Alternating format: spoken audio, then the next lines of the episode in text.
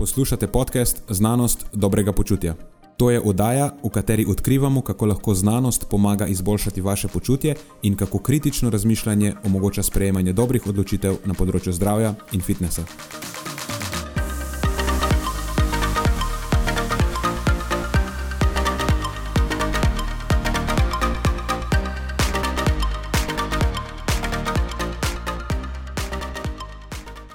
Pozdravljeni, z vami smo Nenad ter moja sovoditelja Marijo in Matjaš.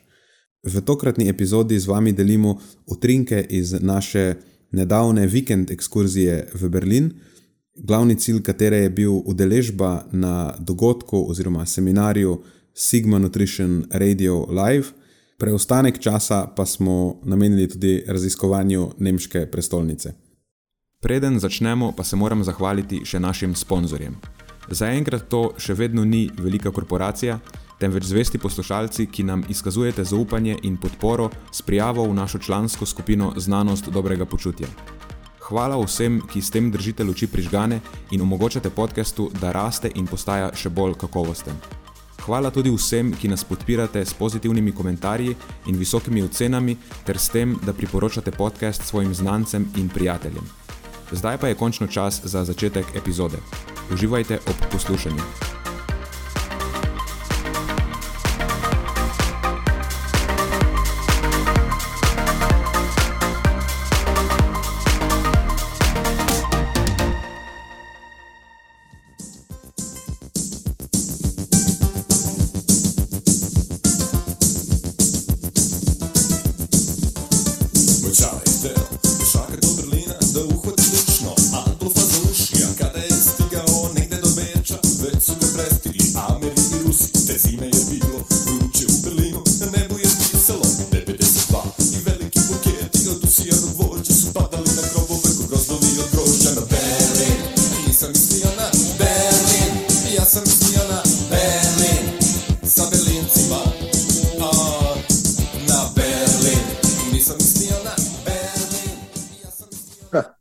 Koliko premisleka je šlo v, v, v izbiro te pesmi za danes? Par minut. Jaz pa vedno, mislim, paro, nikoli ne razočara. Veš kaj, iskal sem nek berlinsko obarvan komat. Najprej sem razmišljal o njeni, ampak nojno od nojcih luft balons se mi zdi, je že bil. Je bil, ja. David Hasselhoff na berlinskem zidu je že tudi bil. Mhm. In sem moral najti neko alternativo. Čeprav na njo nojcih luft balons, ne. Tole. To bi bilo ekstra primerno, glede na to, da smo se pohecali, da smo bili v njihovih, v njenih stanovanjih. Ja, ne na apartments. Ja, ampak takrat, ko je prvič padel ta komad, najbrž nismo računali na dejstvo, da bomo šli enkrat na uh, strokovno ekskurzijo v Berlin. Res je, za, za manj smo ga porabljali, veš. Takrat smo ga skurili, ne bi ga zmela. Ni problema, tudi ta izbira je bila super. Če glih bajaga in instruktori, tudi ni Vedno najslabša primerno. stvar. Ja. Vedno primerno. Presenetljivo veliko komadov okrog Berlina. Ej, po, šel sem na Wikipedijo gledat, kjer komadi so v Berlinu in jih je, res jih je, več kot sto. Ja, kot da bi se tam precej veliko dogajalo, zgodovinsko wise. Veš kaj, razmišljal sem pol, da Berlin je res taka alternativna scena. Vemo, da umetniki so ponavadi neki alternativci. Ne? Tako da si predstavljam, da imajo neko afiniteto do Berlina. Mi imamo drugačno izkušnjo, mi smo manj al- alternativci. In Nas, vse lahko s tem začnemo. Jaz bom sam zase povedal, ampak Berlin, vsaj mene osebno, ni navdušil, tako kot mesto. Ekskurzija je bila ekstra, ampak mesto je pa nekaj, kar ne bi pričakoval od nemške prestolnice. Je izjemno zanemarjeno in eh, ne vem, sploh, kjer drugo besedo naj uporabim kot posrano. Ja. Ja, tudi meni je bil, mislim, celotna ekskurzija mi je bila zelo všeč. Mislim, tako tako zelo rad preživljam čas z vama, kamorkoli bi šli, bi se imel fantastično. Povrhu tega uh, je bil sam strokovni del tudi zelo zanimiv, ampak mesto kot mesto zelo, zelo underwhelming. Mogoče za raz, edino to razliko, ki sem jo jaz opazil med vzhodnim in zahodnim delom, a ne po tej izkušnji, ki jo je nekako Nenad že nakazal, da je usrano, ne, ta, ta vzhod je mogoče bil res za kar neki nijans bolj. Usranejši. Ja, usranejši. Tako da ni, nimaš lih nekega zelo prijetnega občutka, ko se sprehajaš po tistih ulicah. Um, potem zadnji dan, ne, smo se pa predstavili na, na zahod, tisti pa je že bolj zgledala kot, kot neko mesto, kot neka prestolnica, je pusti nek tak vtis, um, ampak je pa kljub temu še vedno presenečenje, da se sprehajaš mimo parlamenta in, in, in ulicah, ki so okoli parlamenta, pa še vedno so kar vreče smeti, uh, najbolj nenavadnih sort, um, ja. vse okoli grmovi. Ne, ker smeti, ko reče nekdo smeti, pričakuješ neke papirčke ležati pod njih, mogoče kako pločevinko ali kaj takega. Ne, ne, ne, ne, ne. Ploščice, hlače, copati, prazne, kaj so to, embalaže od detergentov. To je kot da porabiš detergent, glih si odlil zadnjo, pač ono, ža, zadnjo šilce v pralni stroj, potem pa odpreš okno in vržeš ven. A kaj, ne vem. Mhm. Vse je podobna zgodba s tistimi hlačami. Oh, lej, hlače mi niso več všeč ali pa več prav. Kaj bom zdaj naredil z njimi? Ja, edina logična. Da jih vržeš ven. Vrgem skozi okno v grmovje, ne? kaj pa drugega. Ne, stvar je šla tako daleč, da si mogoče ljudje to še malo bolj predstavljajo. Da potem, ko smo nekoga dejansko videli, da je vrgel smeti v smetnjak, da smo se začeli že hecati, če se je po nesreč zmotil. Veš, če se vrš po tleh. Ja, ja. to bi bilo bolj v skladu z Berlinom. Kao, a ne rabiš več tega, a odnesem, odnesem v smeti. Ne, ne, kaj, kaj ti bo v smeti, pa že vrži v, v grmoje. Se zato je pa tam. drugač, pa, drugač pa, ne samo zaradi tega, še iz drugih razlogov je Berlin zelo nenavadno mesto. Prvi dan smo videli lisico. lisico. Sredi mesta smo videli lisico, kako je ropala smeti iz smeti. In zdaj, looking back, ne, ko pogledam nazaj, bistvu je ne navadno, še zmeraj je ne navadno, ampak obstaja razlog. Očitno ima Berlin kar veliko populacijo lisic in druge divjadi, ki živijo v mestu. Mislim, da se ocenjuje, da 2000 lisic živi v Berlinu. Rečejo jim neke oktobrske lisice, to so te lisice, ki so glikar spolno zrele in morajo zapustiti svoj teritorij, pač starši jih odženejo in potem v tem utesnjenem okolju ne vejo, kam iti in lutajo po ulicah Berlina in pač ropajo tam smeti. Pa se v bistvu smo videli cel živalski vrt. Imeli smo lisice, imeli smo zajčke in imeli smo, seveda, najbolj nenavadno živel od vseh uh, ljudi, ki kampirajo tam. V, težko bi glih rekel, da je tisto nek tak tivoli varianta. To je bil glih. Eh, parkec. Uh, parkec, ja, zelo mehen parkec sredi centra. ja, tako da skrat, skratka, ne to, kar smo glih najbolj pričakovali. Jaz sem že v preteklosti, seveda, bil v Berlinu, samo ne na tak turistični način, da smo ga skoraj ne prehodili, ne, um, peš in, in z uporabo um, javnega prevoza, pa potem dobiš tak bolj realen vtis.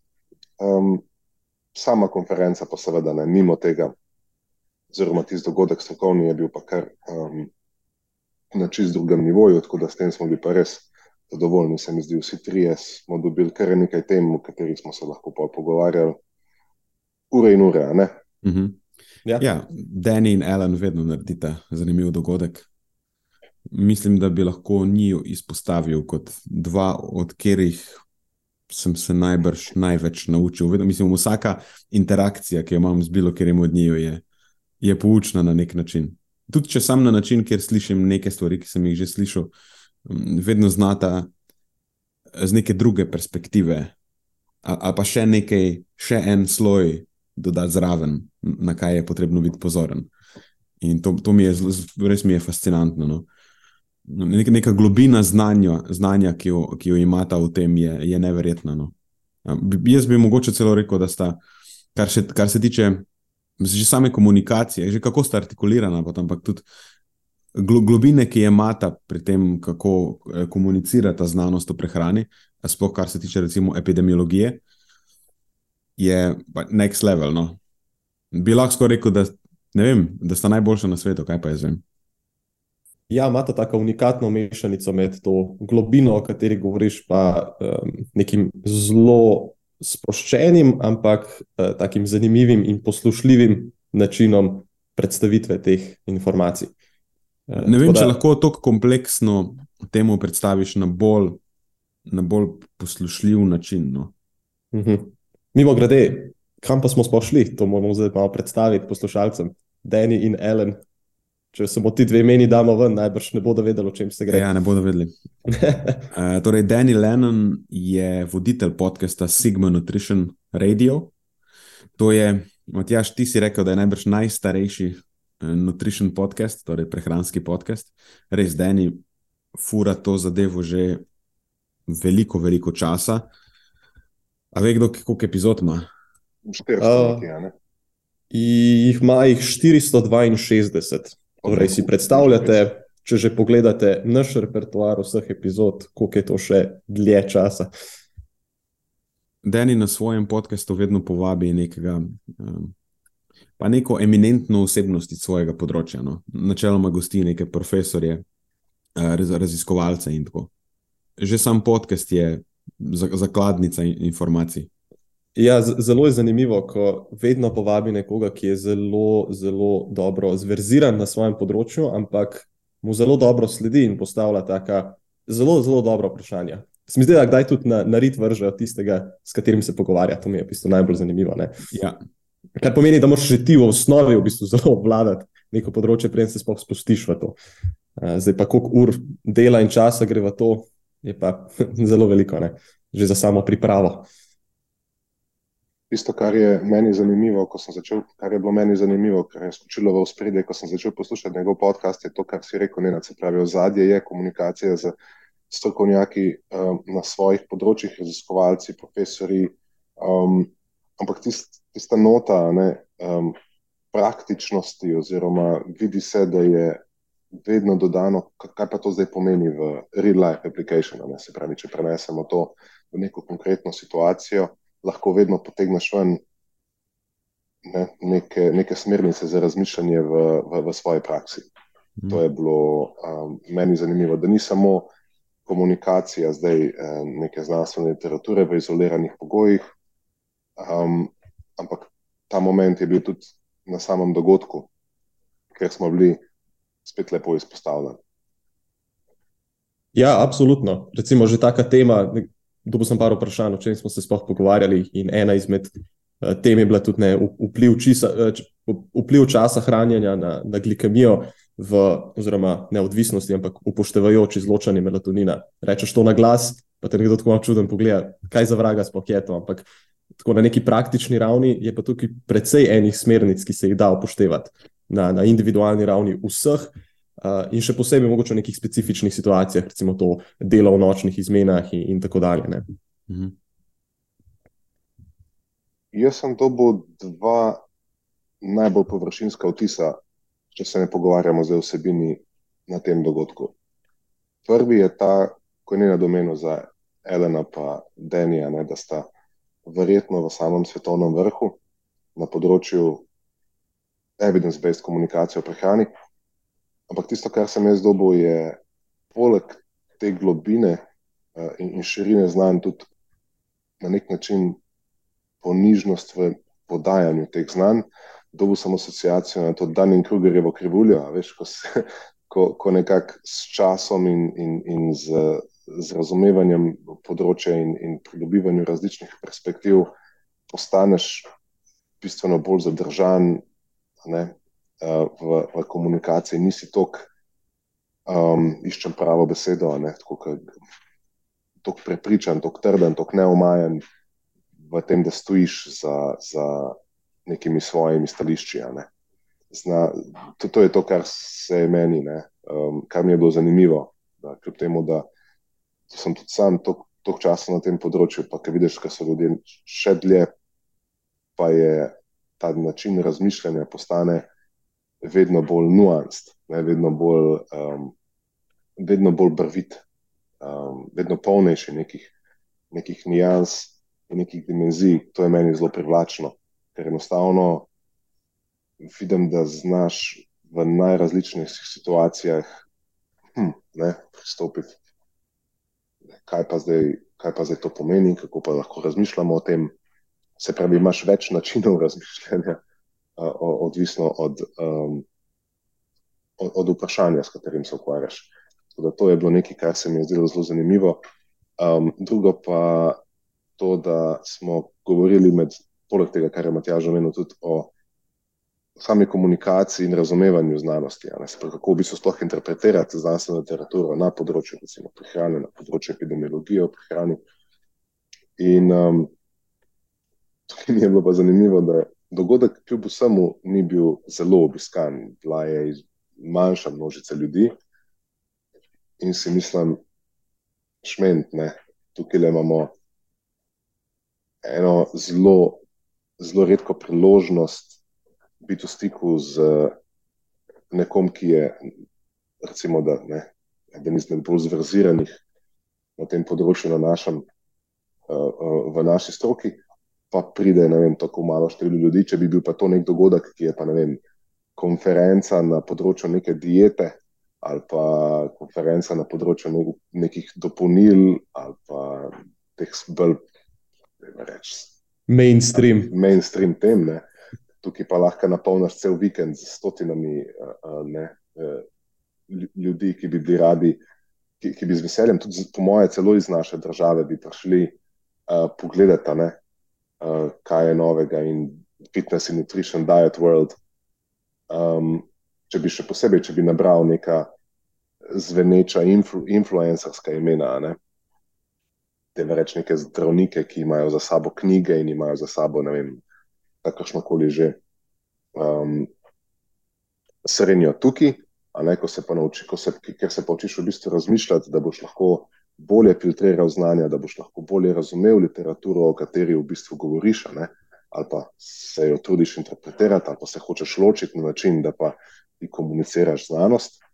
Um, tukaj lahko tudi sebe malo ne, po prstih, na to, da sem to, sem se tam znašel tudi sam, samem štartu, ko ne greš brati literaturo. To je nekaj, kar je meni men res šitne. To je pa nekaj, kjer, to, to je first step. Ne? To ni nekaj za zdraven. Najprej se moraš uh, zvrzirati v, v nečem, kar želiš početi. Ne pa pač, ok, ne, bomo, bomo šli mal prebrati študijo, bomo um, bili, bili goli in bosi um, in zelo samozavestno drsali, potem pa, pa ko pademo na rit, um, ne, lahko da pomalo kasneje, kot pa bi si želeli. Da to mi je bilo zelo zanimivo, da kljub vsemu temu času, kljub temu, da se družim z vama, kljub temu, da sem namenil verjetno več časa kot povprečen strokovnjak na našem področju, razumevanju nekih specifik v, v da je več interpretacij literature na našem področju, pa vendar, ko, začel, ko smo začeli nekako se ukvarjati s podrobnostmi in sketchi in, in z vsem, kar je Ellen um, predstavil, kako on interpretira ne, literaturo in kaj je on pozoren in kako gre on skozi stvari, sem bil tako šit. Pri parih stvarih sem se še zgubil in mi ni sram priznati. Tako da si mislim, joj, a nekje si bil pa pol deset let nazaj. Ne, kaj si pa takrat pol počel? Ko si prej omenil ponižnost. Ne vem, če si mhm. to, če si to ko slišiš ponižnost, če si to čisto dobro ljudje predstavljajo, kaj v tem kontekstu pomeni. Ne? V bistvu ti si še zmeraj lahko precej gotov uh, o nekih rezultatih, ki jih reka raziskava da. Ampak gre, gre se samo za to, da potem veš, kaj ti rezultati dejansko pomenijo, da veš, kaj ne moreš vedeti o teh rezultatih, ne? s kakšno gotovostjo lahko neke trditve postavljaš. Um, vedno je tisto, celo naslov predavanja je bil Denjevega, v, primer, v primerjavi s čim je, je ta rezultat. Ne? Recimo v prehranskem kontekstu, um, gre za neke zamenjave. Ne? Ali pa recimo, kaj vse je še del uh, te zamenjave, ki se med sabo primerjajo. Moraš vedeti, kaj ti sploh lahko model, ki je bil uporabljen v raziskavi, točno pove ker ponavadi, se, no, to sta, ob to sta se tudi obregnila. Pač vidiš naslov, ne? uživanje mesa je povezano, ne vem, rdečega mesa, recimo, ne? je povezano z povišanim tveganjem, tem pa tem. Ampak je tudi potrebno vedeti, na katerem vzorcu, ker je lahko na nekem drugem vzorcu. Bi lahko bili rezultati precej, precej drugačni, ker so odvisni od tega, na katerem vzorcu se ta, ta stvar ocenjuje, potem v primerjavi s čim, ne, ker, ali pa kaj je vse nadzorovano, in tako naprej. Um, tako da ta ponižnost v bistvu ne pomeni, da ti nisi dokaj prepričan v nekaj, ampak važno je se vprašati, v kaj si lahko prepričan. Lahko lah si ti z veliko mero gotovosti prepričan v, v neko stvar ali pa v nekaj, kar, kar so rezultati raziskave pokazali. Samo moraš vedeti, kaj točno so pokazali. In, ja, hvala za to. Ja, in, in kaj, kaj ti rezultati niso pokazali, oziroma česa na podlagi teh rezultatov pa ne moremo sklepati, ali pa kaj je ostalo še neznano znotraj tega, ali pa kaj so neke predpostavke. Ker vsak model, ki se uporabi, da se na koncu nekaj pokaže, um, funkcionira na, na predpostavkah in te predpostavke so doskrat bolj pomembne kot sami rezultati. Dobro, ja. res, res sem vesel, da si pojasnil tole, to besedo, ne, ker to včasih zanemarim, da jaz ne dojemam ponižnosti, mogoče tako kot, um, ajde rečemo, da bi lahko večina, kot nekaj, kar je, ne vem, pokleknem pa ne, zdaj, ni, ni, nisem mislil na to, seveda, ne, tako da to je mogoče res pomembno izpostaviti, da tukaj govorimo predvsem o tem, kdaj, kdaj veš, da si lahko bolj ali manj samozavesten na načinu, kako komuniciraš, pa tudi način, kako komuniciraš, se mi zdi, da je lahko bolj uh, kljub vsemu bolj zadržan ali pa bolj uh, elokventen, kot pa če enostavno se samo deraš, um, ne, tako bistveno bolj impulzivno. Ta, ta način, ko vidiš, da je nekdo, da je reč, goreč zagovornik, da ne rečem vernik, ampak da je mm. goreč zagovornik neke ideje, v katero verjame, bo njegov način. Um, Kako govori o njej, kako razmišlja o njej, kako jo predstavlja, bistveno bolj ne, očitno drugačen, kot pa, ko govorimo o nekomu, ne, kot, kot ste recimo zdaj, ali ona dva, ampak kot mi poskušamo biti.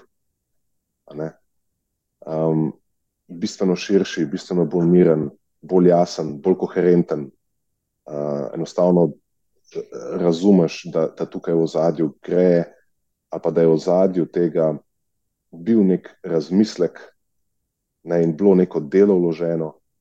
Um, in to, je, to, to sem mislil, no, ko, sem, ko sem rekel, da enostavno si dovoliš biti bit ponižen in to je nekaj, kar ti najbrž tudi da. Um, realizacija svojih napak um, in delo, ki ga zdaj znaš opraviti, preden komuniciraš o neki temi, ali pa če spoznaš, da komuniciraš o neki temi, kjer pa nisi tega naredil, spet bo tvoj način komunikacije drugačen kot pa če enostavno spet samo sklepaš ali pa v, v vsakem ovinku iščeš, kako uh, speljati uh, vodo na svoj mlin. Ja, in tle se mislim, da tudi zelo hitro, v, točno o tem, če me zdaj govorite, o pomankanju te ponižnosti in pomankanju teh znanj, teh nijans, uh, kako hitro lahko pridemo do teh. Uh, Dezinformacij na, na že širši ravni. Recimo, nekdo vzame članek tako at face value, brez upoštevanja teh nijans, recimo o povezavi uživanja jajc z srčno-žilnimi obolenji. Pa, pa ne upošteva vseh teh faktorjev, in potem pride ven, da je nekaj v tem stilu, da vsako dodatno zaužito jajce je povezano s tok pa tok procentualnim večjim tveganjem tega pa tega. In potem vzame to ne vem, neka medijska hiša, in naslednji naslov je že. Jajca so hujše kot kajenje, ne? nekaj v tem stilu. Mm -hmm. Kako spolsko pobočje je to, um, ločite ga pa samo dva koraka, dva tako zelo, zelo, zelo pomembna koraka, ampak se pa to zelo pogosto zgodi potem v praksi. Ja, ker doskrat, če samo rezultate pogledaš, bi mogoče celo res lahko rekel, da so jajca hujša kot kajenje. Ker, ker če samo prebereš rezultate, je lahko odstotek povišanega tveganja višji. Ampak je tudi toliko enih stvari bolj zgubljenih v tem, da s čim si primerijo, ne, kakšno tveganje na kakšni populaciji. Tako, no, točno kakšen to, je bil model.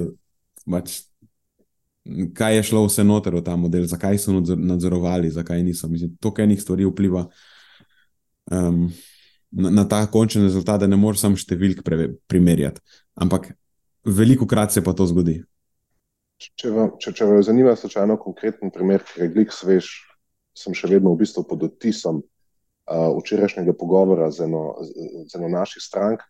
Nas pozna zelo veliko, da na naše mnenje, glih iz teh razlogov, um, o katerih smo zdaj govorili. Um, in je poklical z informacijo o tem, da so njegovi mami diagnosticirali raka, trebušne slinovke. In uh, zdaj je prišel s nekakšnim stališčem, da pa pod vplivom nekih uh, strokovnjakov, ki delajo na neki švicarski um, kliniki, um, tam zagovarjajo neke, neke hipoteze, da pa ne vem, sladkor hrani raka in da lahko raka izstradaš, in da je treba za to primerno prilagoditi prehrano, oziroma popolnoma dobesedno, če poštevaš, da se človek tako ne prehranjuje obrn prehrano na glavo. In kot racionalizacijo ne, je bila točno to, o čemer zdaj govorimo. Ja, ampak ne, moj brat zdaj je naredil research, on je zdaj bral študije, tukaj v zadej so članki, tukaj v zadej so reference, ne, tukaj pravijo to eminentni strokovnjaki. In spet, ne, dva, dva tedna nazaj nisem imel pojma o prehrani, zdaj si pa v enem tednu naredil research, ne, kjer si ti šel zdaj brati literaturo ne, zdaj, ki sta omenila um, jajca, pa meso. In zdaj si tam prebral par zaključkov, prebral si par, par, um, par, par člankov na, na, na internetnih straneh, in zdaj enostavno si oblikoval neko stališče. In to je zdaj ta, ta velika past, v katero smo se, verjamem, da vsi mi ujeli, um, kjer potem lahko postaneš bistveno bolj samozavesten, a ne češ, aha, sej, se, se to vse skupaj ustvariš zgodbo. Ne? In um, lahko nekako zanemariš ogromno dejavnikov, kaj to zdaj pomeni, kakšne posledice to lahko ima, če se sploh nisi upošteval, ker nekih, neke širine temeljnih znanj v bistvu nimaš, ne? si se pač kar vrgu. Deva reči, da ne znaš dobro plavati, pa si skočil v ocean, ker se ti je pač zdela mirna voda v tistem trenutku. In pa se znajdeš v neki situaciji, kjer what the fuck am I doing? Da, to, to, to mi je bilo res, sem imela kar eno urni pogovor in sem poskušal nekako pokazati vse te nijanse, ki je lahko takšno početje zelo, zelo sporno in kako lahko vodi uh, do nekih, ma, v neke smeri, ki mogoče ne, jih kasneje lahko obžaluješ. Um, in, in takih je kar nekaj zdravstvenih stanj. Če ima nekdo težave s holesterolom, bo naletel na ta članek o, o jajcih, o katerem je govoril Matjaš, pa ne, bo lahko hitro skočil v luft. Če ima nekdo neko, nek, nek odnos do mesa, tako ali drugačen, bo lahko prebral nek drug članek in bo lahko ekstrapoliral tisto, kar je našel noter, uh, tisti procent informacij, ki jih je našel noter, preko vsega ostalega, in bo celo bil sposoben o tem, ali pisati članek, ali govoriti bližnjim, ali nagovarjati celo širšo množico. In tukaj imamo na področju prehrane res velike izzive. No. Um, ne samo na tem nivoju, da, da to počnejo ljudje, ki so izven stroke, ne, ki pač imajo take ali drugačne interese, ampak celo mi, celo mi, nekje na svoji poti, um, se mi zdi, da zadanemo ob ta zid, ne, da, da uporabimo ta, to, to platformo, ki jo imamo, uh, in nismo najbolj odgovorni v svojem početju. Smo tako malo reklos. Na kaj točno si mislil s tem zadnjim delom? Na kaj točno sem mislil? Ja. Mislil sem, da tudi mi, kot uh, strokovnjaki, kot, mi, kot strokovnjaki, kot predstavniki industrije, kot prehranski svetovalci, trenerji, ne, ki smo v drugačnem. Na drugačni stopnički, kot pa nek navaden smrtnik, ki gre brati članek. Veš, recimo, brati od te moje stranke, ni prehranski strokovnjak, so ta raši z drugim področjem dela. Ampak je zdaj, zato ker ga je to, ta zadeva osebno zintrigirala, ne, je zdaj on pač upisal v Google, prebral, prebral nekaj, nekaj študija ne, in zdaj je začel oblikovati mnenje, ki enostavno lahko, lahko to mnenje začne deliti brez nekega filtra. Ne samo, da to počnejo ljudje, ki se ne ukvarjajo s prehrano, ki nimajo prehranskih znanj v svoji osnovi, ampak se potem lahko zelo močno opredeljujejo do prehranskih tem. To počnemo, oziroma ne, če govorimo o našem primeru, ali pa razumeš, kaj sem hotel povedati. Ja, bila, mislim, da je bila misplaced uporaba besede mi, ampak razumem, kaj hočeš biti. Hočeš si biti, biti, biti inkluziven, da se slučajno kdo ne bi počutil spet užaljen zaradi tega, ker mi smo ful pametni, pa drugi solimo pamet. A. Da si imel še nas po, po, sproti posipo z, z, s pepelom. A, v bistvu da, da, všeč mi je, da si bil zelo pozoren na moje besede, ampak imaš pa prav, nisem mogoče najbolje uporabil to besedo mi. Ko sem rekel mi, sem mislil na mi, predstavniki ja, ja, fitness industrije, ja. ne pa mi kot predstavniki na streh našega podjetja. Um, ja, ko govorim, go, govorim o tem, kako neodgovorni in, in, in doskrat predrzni znamo biti tudi uh, vsi, ki se um, temu reč o, označimo kot prehranski svetovalec, pa nutricionist, pa trener. Um, ne vem, kako naj to zdaj navežem nazaj, ampak tega sicer ona dva nista nikoli eksplicitno prav izpostavila, ampak um, je, je bilo pa nekako vedno tako implicitno. Sta, sta, sta, sta sporočala, kako zelo pomembno je, da ko interpretiraš, tudi če samo eno raziskavo, ali pa ko hočeš postaviti samo eno trditev, pa zbiraš neke eh, dokaze, v, recimo v podporo, ali pa jo preverjaš, ali pa kakorkoli drugače, si v nevarnosti, da po nesreč čeri pikaš stvari, če ne poznaš celotne teže dokazov na tem področju. Ne? Se mi zdi, da to se dostkrat zgodi. Um, da ljudje ne poznajo celotne, mislim, celotne, se ne moreš poznati celotne, ampak tako večine teže dokazov iz nekega področja. Ker spoh na začetku, recimo, če nisi zelo domač na nekem področju, zelo hitro prideš do napačnih zaključkov, ker ne moreš zelo na hitro spoznati celotne ali pa večine teže dokazov na tem področju. Jaz vem, da meni osebno se je to v preteklosti večkrat zgodilo, recimo na področju nasičenih maščob. Uh, to mi zdaj naj, najprej pade na pamet. Ko, koliko časa je dejansko trajalo, da sem bil jaz seznanjen z večino teže dokazov na tem področju, nekaj let v bistvu. In skozi ta leta so moji pogledi, moja stališča precej evolvirala, ampak zanimivo je, ker je neka sestavljanka. Na začetku, ko prideš noter, spoznaš. Um, Ali pa si seznanjen s tistimi najbolj glasnimi, ali pa najbolj udarnimi. Če imaš srečo, prideš noter na to področje na tisti strani, kjer si najprej seznanjen z recimo najbolj klasičnimi kosi literature. To se ponavadi zgodi, če greš po uradni izobraževalni poti. Ne? Ti na nekem področju najbolj, najprej predstavijo tiste najbolj klasične kose literature. In to je najboljša verjetnost, da boš že na začetku imel svoje stališče precej usklajeno z tem kar je recimo, najbolj, najbolj, najbolj korektno. Ampak, če pa prideš na to področje iz, nekega, iz neke druge strani, recimo, da si začel najprej poslušati nekega ne vem, prehranskega guruja, tipa kaj sta on Saladino ali pa Malhotra, ali kaj so, ki so uh -huh. sicer full glasni. Ampak tako, res niso usklajeni z težo dokazov na, na, na področju, v katerem komunicirajo. Ali pa recimo, da zna, začneš kar sam brskati o tem in pač najdeš tiste članke, ki so prvi na Google o tem, ki so tudi ponavadi neki senzacionalistični in okuženi s takimi in drugačnimi dogmami. Um, potem pa imaš lahko na začetku stališče, ki je tako precej neusklajeno z, z neko objektivno resničnostjo. In potem sproti, ko nabiraš vse okolje, ker zdaj na začetku, ko prideš noter, si pač dokazi, ki jih imaš, to je tisto, kar veš, vse ostalo ne veš. In veliko je tega, česar ne veš. Tako da na nek način, v bistvu po nesreči, čeri pikaš, ne? Sej, drugače ne moreš, vedno obstaja neka linija, po kateri greš na začetku. In je um, zelo odvisno od tega, kdo ti zdaj čeri pika te stvari.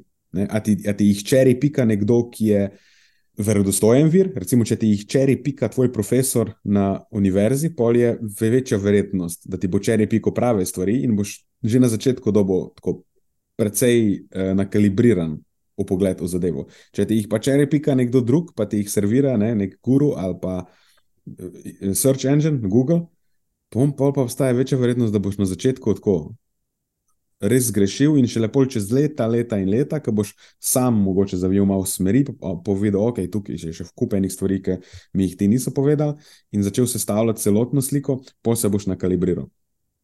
Uh, in, in to traja precej časa, no? ponavadi to traja precej časa. Sploh, če konkretno govorimo o področju uh, tem, recimo, vpliva nasičenih maščob, um, holesterola, uh, ravni holesterola na razne izide in tako naprej.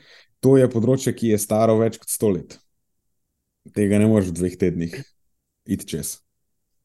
In kar sem hotel še povedati na, na zadnje, njun način komunikacije ali pa predstavljanja te ene raziskave, s katero so se tam konkretno ukvarjala.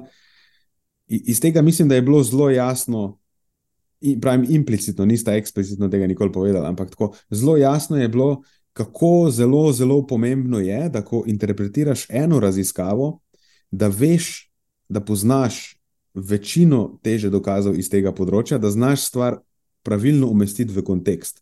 Da tudi, recimo, veš, kaj so prednosti in pomanjkljivosti določenih metod, ki so jih uporabili, kaj so prednosti in pomanjkljivosti določenih načinov, na kere so modele sestavljali.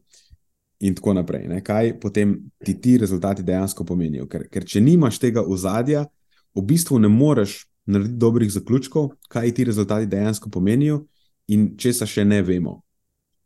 En tak primer od pred kratkim, ki mi je zdaj glih napadlo na pamet, da mogoče to naredim malo bolj plastično, je. Um, bila je objavljena ena metaanaliza, pokazala je povezavo nasičenih maščob z pač neugodnimi vplivi na, na srčno-žilno zdravje. Ne? In metoda, ki so pač nič nove, novega, in bi rekel, ok, super.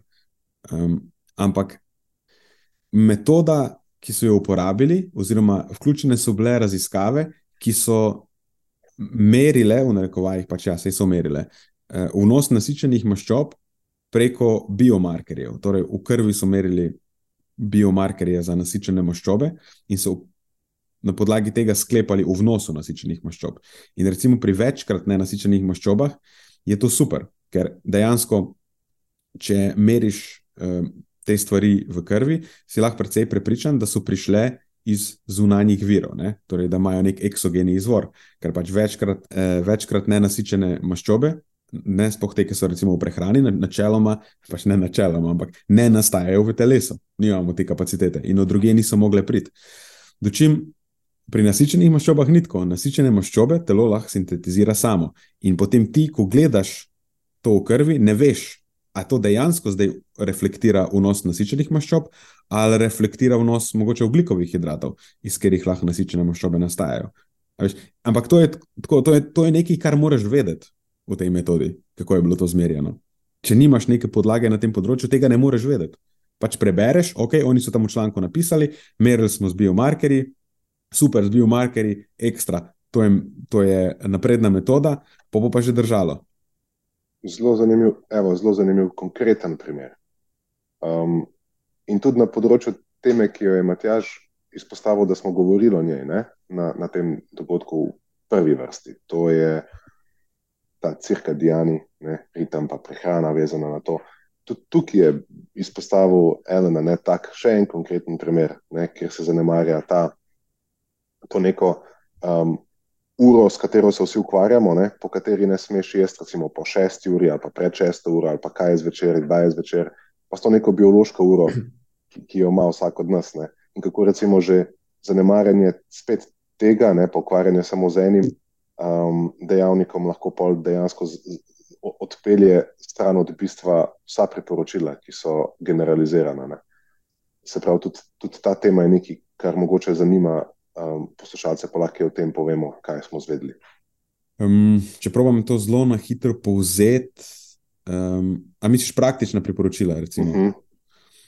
Mislim, bottom line je to, da takrat, ko je melatonin visok, je delovanje inzulina moteno.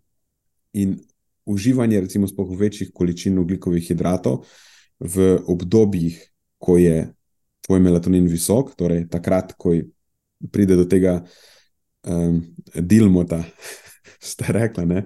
dim light melatonin onset, torej takrat, ko se začne melaton, melatonin v obtoku, oziroma ravni melatin, melatonina v obtoku zviševati, začne nekako padati občutljivost na inzulin, in takrat je višji vnos oglikovih hidratov.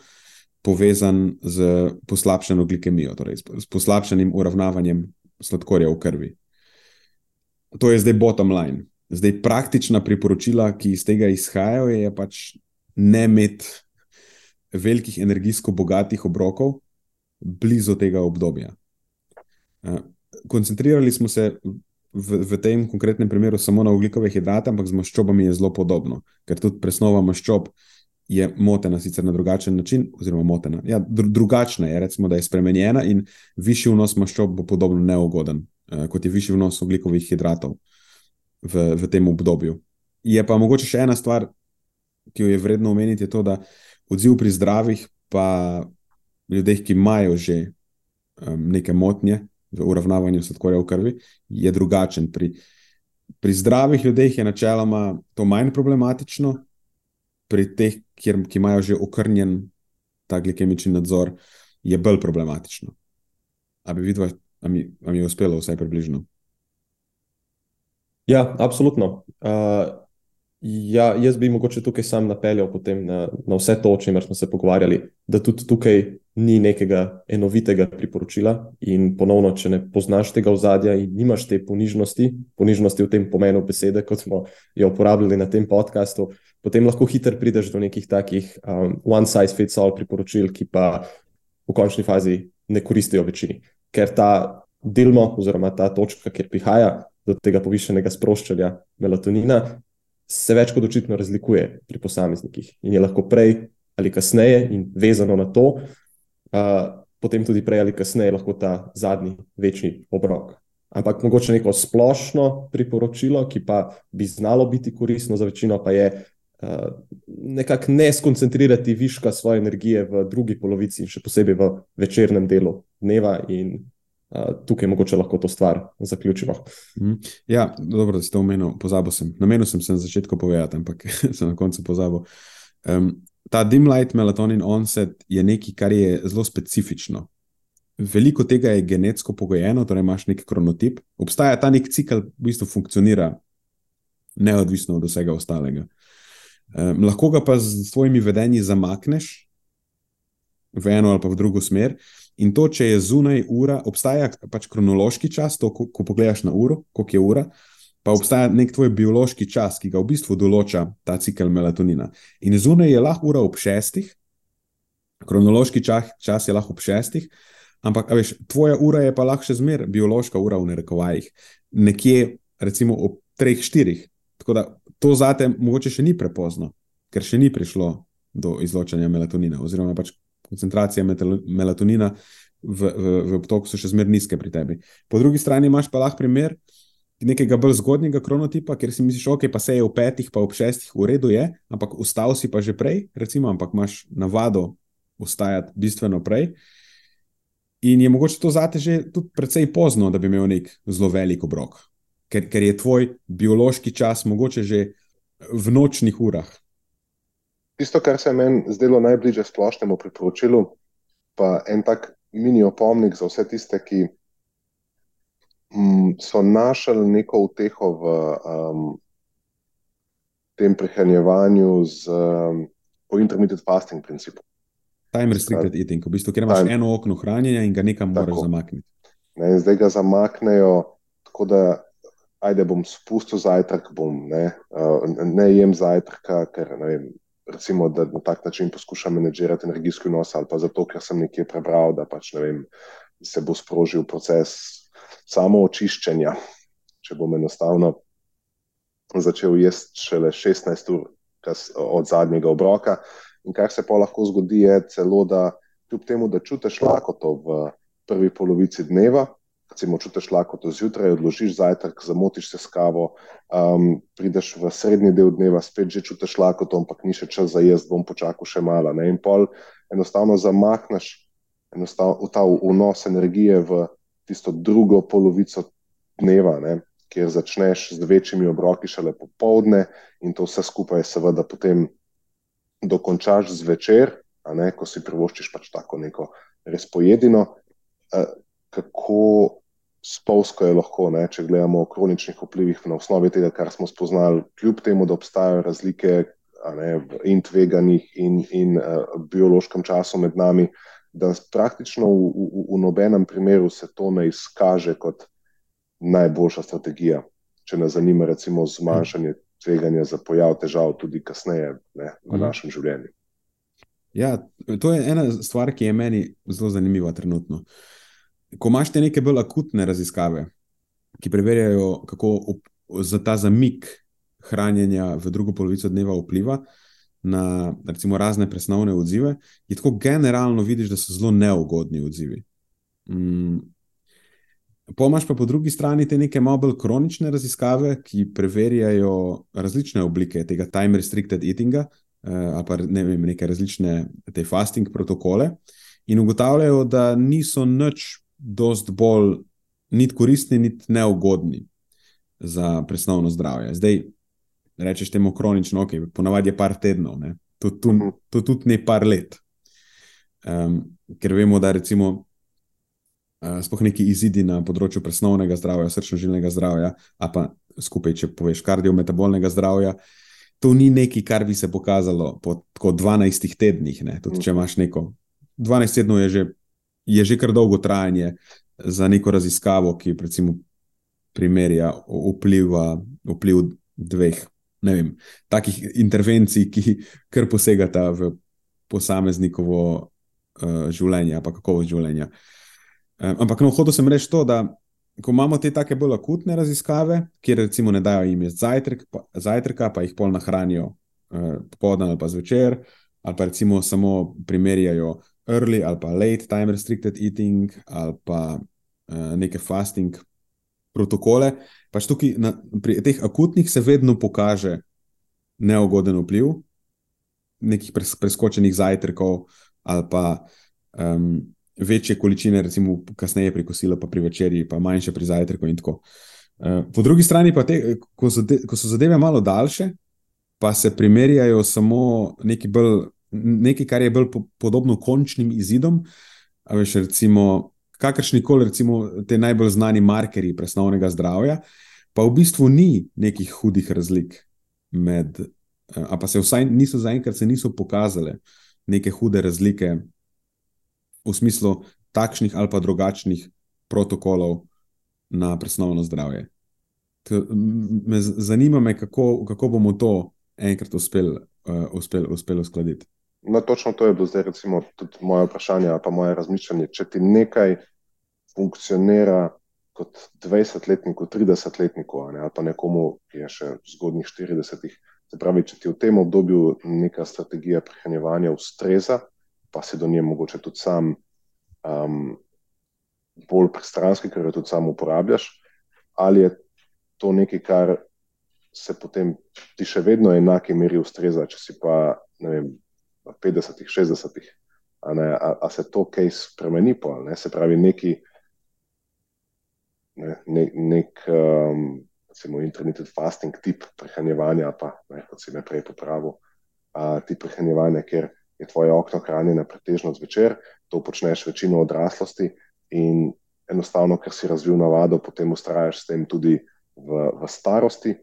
Pa, pa ti zdaj mogoče, ne? sprašujem se o tem, ali lahko na osnovi teh, tega, kar vemo, uh, začne delati več problemov, kot pa, mm. kot pa, kot pa, ti, je, kot pa ti jih je doslej. Ja, kumulativno bi se lahko učinek pokazal skozi par let. Ker se dejansko se nekako oblikuje teža dokazov v tej smeri.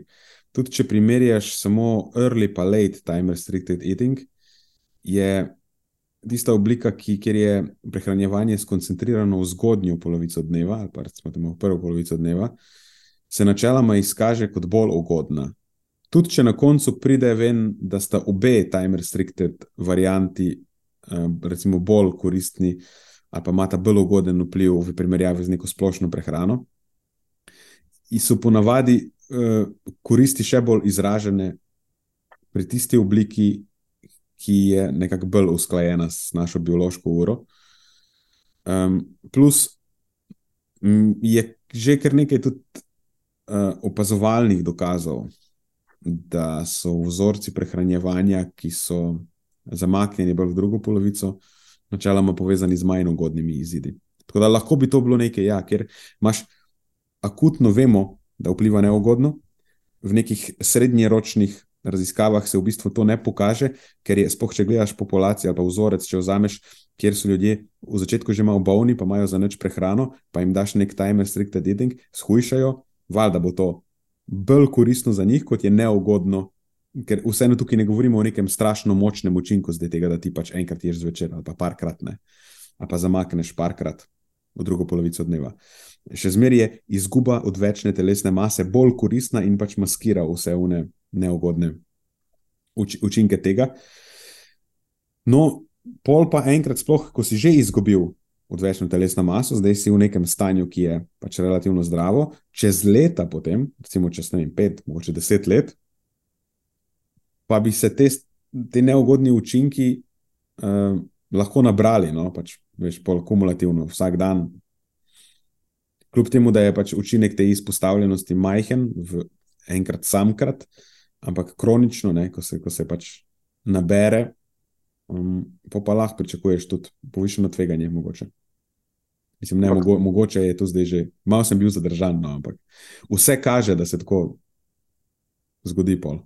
Ja, se tako, kot si napeljal, da veliko dejavnikov je, na, ki, ki pol vplivajo še na naše zdravje in na, na, na izide in tveganja, ne zdaj samo, ne, kdaj se prehranjujemo. Sej, ne, že primer italijanov, ki si jih tudi izpostavil na samem predavanju z vprašanjem, je tak nek ne nakazuje na to, da mogoče pa lahko tudi to. Ne, um, Čeprav pri Italijanih ne, smo potem hip, hipotetizirali, da v bistvu, ker se če naredimo malo voda, Italijani imajo tak nek nenavaden vzorec prehranjevanja, pa nasplošno, verjetno to za mediterance velja. Imajo bolj slab zajtrk, pa kosilo je mogoče malo močnejše, ampak v, v večernem času, torej, ko je kronološko ura pozna, ja. pojejo, pojejo veliko količino hrane. Ampak obstaja verjetnost, da je njihova biološka ura takrat še vedno nekje v dnevu, ker oni precej bolj pozno vstajajo. Nekako njihov, njihov eh, kulturni kronotip je zamaknjen v drugo polovico dneva. In takrat, ko vem, oni ob šestih, sedmih jejo, je veš, mogoče pri njih še vedno pač ni prišlo še do izločanja melatonina ker grejo pozno spat in kasneje, kasneje vstajajo. Ker če gledaš, pač v Italiji se noč ne začne ob sedmih. Tam je tako ob devetih, po mojem, folk vstaja. Pa tudi ne, z vsem skupaj in, in komponenta družabnega, potem druženja in, in, in vse skupaj v, v tem okolju je, kot si, si napeljal, se pravi, lahko postavi celo situacijo v bistveno drugačen kontekst. Super, izpostavljata se, izpostavlja se še eno zelo uh, pomembno stvar, ki jo treba upoštevati. Jaz bi pa še eno, ki je mogoče smiselno upoštevati pri prehranjevanju v poznih kronoloških urah, in to je uh, fizična aktivnost v večernih urah. Ker veliko ljudi, pa si predstavljam, da tudi takih, ki poslušajo zdaj tale podcast, občasno enostavno nimajo druge izbire, kot da trenirajo malce bolj pozno v dnevu. Uh, in tukaj je situacija tako za malenkost drugačna. Ne? Še vedno se je. Eh, smiselno eh, izogniti ogromni količini energije, predvsem v obliki maščob in oglikovih hidratov, da jih ravno takrat ne pogrupiramo. Recimo nek pica, burek, pivo, kombinacija je zagotovo najslabša, ampak nažalost pa je to pogosta praksa, predvsem v teh rekreativnih krogih. Ampak poskrbeti za recimo neko kulturno količino beljakovin, pa nek tak kulturno, energijsko, ne pretirano bogat obrok, pa najbrž v teh situacijah ne bo uh, negativno vplivalo, oziroma bi, bi, bi ga bilo smiselno vključiti. Um, razmišljam, da najbrž tudi taki ljudje, ki, ali pa vsaj nekateri izmed njih, ki potem trenirajo v večernih urah, izberejo recimo raje to opcijo, kot pa zelo zgodni jutranji čas, ker jim čas enostavno drugače ne dopusta. Uh, mogoče res spadajo tudi v tisto kategorijo, kjer um, imajo ta dilmo nekoliko kasneje, kot pa uh, povprečje. Mhm. Ja, tukaj, če greš res pozno na trening, je po mojem pametno se že prej malo pripraviti. Eh, ne pomeni, da bo še do eno uro prej veliko obrok, ampak da si proaktiven že v prvi polovici dneva. Veš, da že imaš zajtrk, da že imaš kosilo, mogoče večje. Da, da je vse usmerjeno v to, ker potem, ko prideš nazaj, uh, mislim, dejansko lahko greš sam spat po beljakovini, v nekem šejku, nekaj porcij beljakovin, mogoče malo hidratov, dejansko ne rabiš več dosti jesti, ker si že. Uh, dovolj polovici dneva ja, poskrbel za to, in potem pač zjutraj, ko se zbudiš, nadaljuješ s tem. Ni neke hude potrebe zdaj, da bi, ok, imel sem trening, zdaj moram to nadoknaditi. Ne. Ja, točno to. Samo kar smo hočeli postaviti v kontekst, je to, da ne bo zdaj nekoga strah pred tem, da potem je, čeprav je neka večerna ura. Ja, pač ja. Poskrbi za te beljakovine. Um, In to je to. Ja, mislim, Probi biti bolj proaktiven čez dan. Ja, mislim, na koncu mo moraš to pojesti nazaj. Zdaj, če prej nisi tega naredil, pa je boljše, da kasneje narediš, kot da sploh ne narediš. Ja. Uh, če pa govorimo o neki optimalni strategiji, pa je pa smiselno biti proaktiven. Ja. Pa to narediti prej, boljš kot kasneje. Okay, mislim, da smo to temo melatonina kar obdelali v nula. Tam je bilo povedano še kupenih stvari, ampak mislim, da bo, bottom line, glavne stvari smo izpostavili, no? se mi zdi. Uh, kup je bolj po še nekih specifičnih vprašanj, pa uh, nekih malenkosti, kaj pa v izmenah, v takšnih in drugačnih izmenah, v ne vem, kaj je še vse bilo. Ampak. Ja, seveda ne gre pričakovati, da bomo zdaj v tem podkastu obdelali ja. tisto, kar smo tam na 4-plus urnem seminarju. uh, vse razdelali. Ja. Drugač pa, okay, če počasi zaključimo s tem, pripeljemo zadevo k koncu. Mm, mislim, da smo si vzeli kar nekaj časa, tako da ne vem, če nam je še za dosti časa ostalo. Uh, Smo pa razmišljali potem še, mislim, v marsičem smo se na tej ekskurziji pogovarjali, v planih za prihodnost, o, o podkastu in tako, e, tudi v neumnostih. In potem iz teh neumnosti je v bistvu prišlo kar nekaj dobrih idej, e, ki bi jih lahko uporabili v podcast epizodah. Torej, v bistvu niso ne, niti take neumnosti, pa so zanimivosti. No? E, zanimivosti, ki bi jih lahko uvrstili kot teme na ta podcast. To, torej, neke aktualnosti so, ki bi jih lahko uh, potem mi še nekako osvetlili v, nek, v neki drugi luči, mogoče tako malo bolj recimo, kritično ali pa na, na, na nek tak naš, ne vem, na rekovajih znanstven način predstavili. Ena izmed teh je bila um, nova hipoteza, zakaj je umrl Bruce Lee. In pa v bistvu vprašanje, druga je bila vprašanje, koliko se lahko zrediš v, v, najkrajšem možnem času, v dveh dneh. Ne? Pa mogoče lahko to shranimo za naslednjič. Torej, kdo je ubil Bruslija in koliko se lahko zrediš v dveh dneh?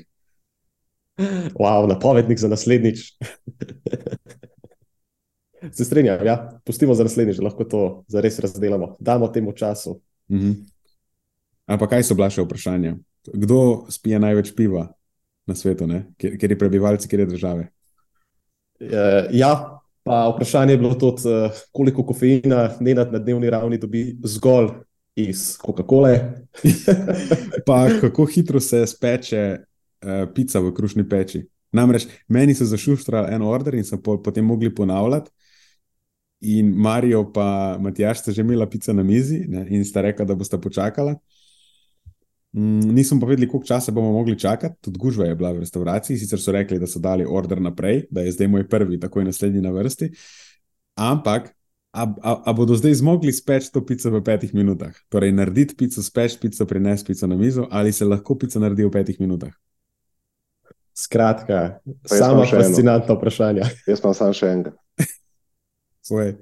Življenjske lekcije iz uh, življenjske lekcije po prvem obisku Nenada in Matjaža v kazinoju.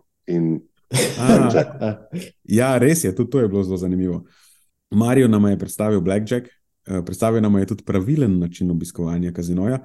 In pa sem jaz rekel, da je v bistvu ta eh, tak, tak pristop k kazinoju tudi eh, najbolj smiseln pristop k življenju, in da je v bistvu kazino zelo dobra prispodoba za življenje. Ista pravila, ki, po katerih imaš lahko v kazinoju dobro izkušnjo, tudi na splošno v življenju, načeloma producirajo dobro izkušnjo ali pa zadovoljstvo v življenju. Ta, ta mindset je splošno applicable. Da zdaj v eno epizodo ni šlo strniti vseh vtisov o samem dogodku in vsebini dogodka, in še vse to povprek.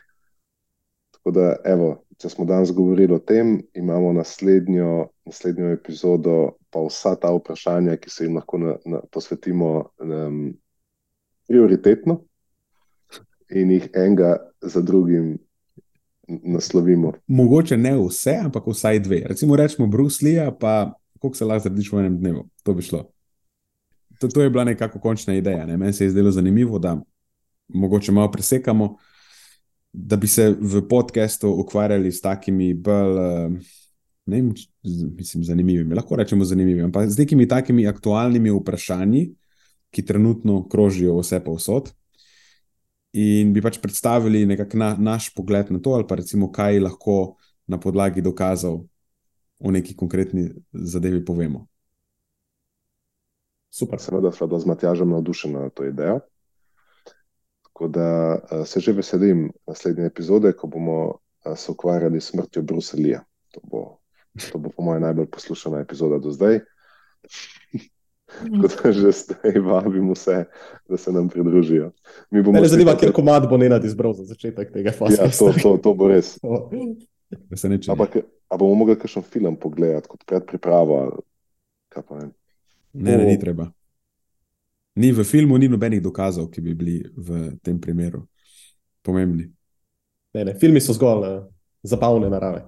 Mhm.